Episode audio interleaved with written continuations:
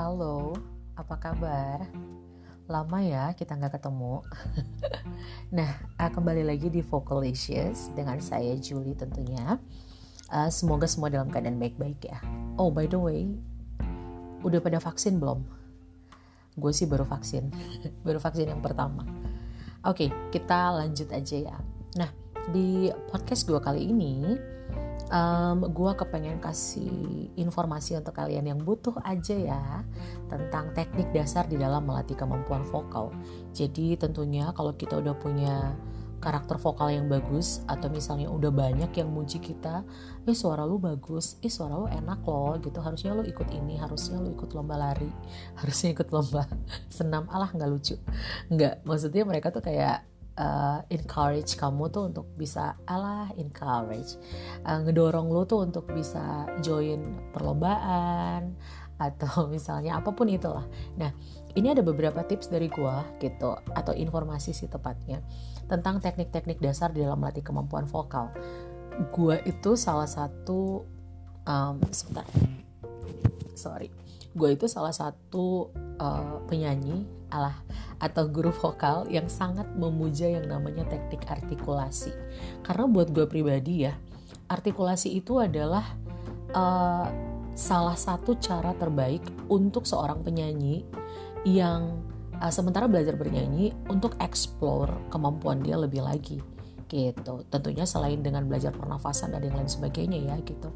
Nah, artikulasi ini adalah salah satu uh, teknik terbaik yang bisa dilakukan oleh seorang penyanyi untuk exploring uh, kemampuan vokal dia. Sebelum gue lanjutin lagi ngobrol tentang teknik-teknik dasar ini, artikulasi itu adalah cara mengucapkan huruf dengan baik dan benar. Nah, tentunya uh, artikulasi ini tergantung dari bahasa yang digunakan oleh penyanyi tersebut. Misalnya dia nyanyi lagu bahasa Indonesia, ya artikulasinya bahasa Indonesia. Nah, beda lagi kalau misalnya nyanyi di dalam bahasa Inggris atau nyanyi di dalam bahasa-bahasa yang lain, Korea misalnya lain sebagainya. Nah, kalau misalnya di dalam bahasa Inggris kita perlu teknik khusus karena uh, satu hal yang yang cukup menggelitik gue di dalam ngajar vokal itu adalah uh, ada beberapa guru-guru vokal atau mungkin orang-orang yang mengharuskan orang-orang Indonesia itu bernyanyi dengan artikulasi yang tepat di dalam mengucapkan bahasa Inggris gitu loh. Sementara bahasa Inggris sendiri tuh macam-macam kan.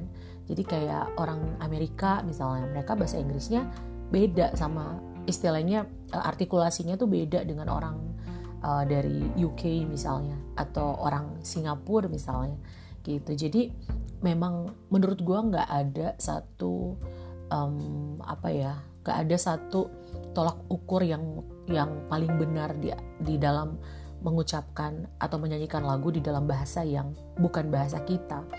As long as as long as you love me. Kayak itu lagu Backstreet Boys. Uh, selama kata yang diucapkan itu tetap mengarah kepada arti dari sebenarnya lagu tersebut gitu. Nah jadi itu tentang artikulasi ya. Artikulasi itu adalah cara mengucapkan kata dan huruf yang baik dan benar. Nah, kemudian uh, kita ngomong tentang artikulasi dalam bahasa Indonesia aja ya secara podcast ini kan bahasa Indonesia gitu. Huruf vokal itu atau huruf hidup itu adalah uh, yang salah satu yang cukup penting untuk kita sebagai orang Indonesia untuk pahami.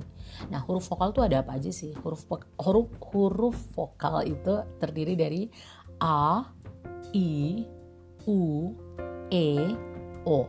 A, i, u, e, o itu adalah huruf vokal atau huruf hidup. Kalau misalnya lu senang nyanyi atau misalnya lu mau coba untuk melatih artikulasi lu dengan menggunakan huruf vokal, maka lu harus berdiri di depan tembok yang ada kacanya. Jadi maksudnya lu harus berdiri di depan kaca, terus coba untuk mengucapkan huruf-huruf tersebut. A. Jadi jangan ucapkan H, tapi A. Jangan juga ah, tapi A gitu. A atau E. Jadi jangan eh atau ek atau a. Jadi semuanya harus uh, satu gitu hurufnya a, i, u, e, o. Coba deh ikutin. Tapi jangan lagi meeting ya. Kalau lo lagi dengerin podcast ini pada saat lagi meeting jangan di uh, coba untuk mengucapkan huruf uh, apa namanya tuh huruf vokal atau huruf hidup itu. Kemudian yang berikutnya itu adalah huruf uh, konsonan atau huruf mati gitu. Huruf mati itu bukan huruf yang rest in peace. Huruf mati itu terdiri dari contohnya ini B, P, dan T. Jadi usahakan untuk pada saat lo nyanyi, usahakan untuk menghindari penekanan yang terlalu lama pada saat lo menyanyikan lagu yang mengandung huruf-huruf mati ini. Gitu, nggak ada nggak ada hukuman khusus sih. Jadi kalau misalnya emang kenapa kalau gue kepengen lama-lama di situ, terus gue mati gitu, enggak juga sih. Aduh, crunchy banget nih bercandaan gue. Maksudnya kalau misalnya lu uh, terlalu lama di situ, maka itu akan mempengaruhi produksi nafas lo gitu ya. Nah, uh, ngomong-ngomong produksi nafas nih, manusia itu memiliki uh, beberapa teknik pernafasan gitu ya. Ada tiga jenis sebenarnya secara menyeluruh itu ada tiga jenis pernapasan yang dapat di, di, digunakan yaitu pernafasan perut uh, atau diafragma ya yang kita udah tahu pernafasan diafragma uh, di, uh, pernafasan per, uh, per eh sorry duh belibet sih ah gitu. Ada pernafasan sorry, pernafasan yang pertama itu adalah pernafasan uh, perut dan juga pernafasan diafragma. Itu.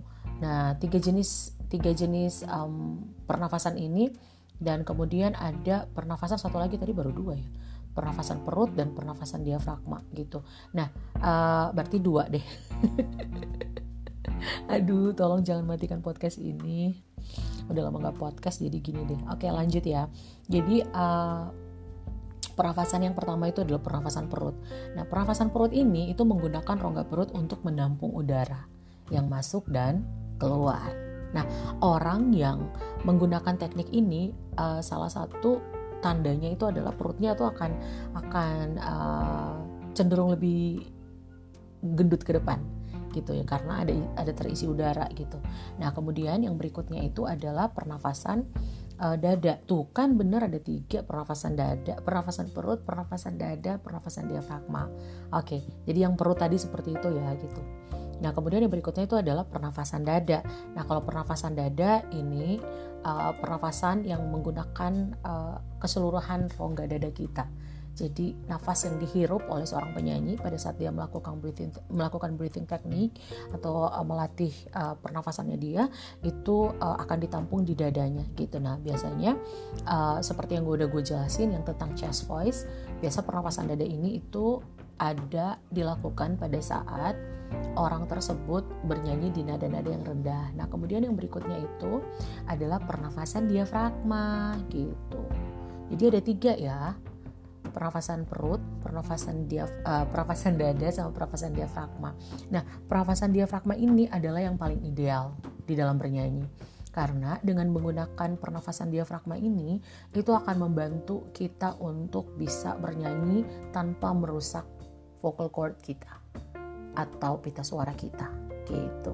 Jadi diafragma itu adalah sebuah lapisan otot yang memisahkan antara rongga dada, jantung dan paru-paru. Jadi kalau misalnya kalian semua manusia punya pernafasan, punya punya mampu berlatih untuk pernafasan diafragma, gitu.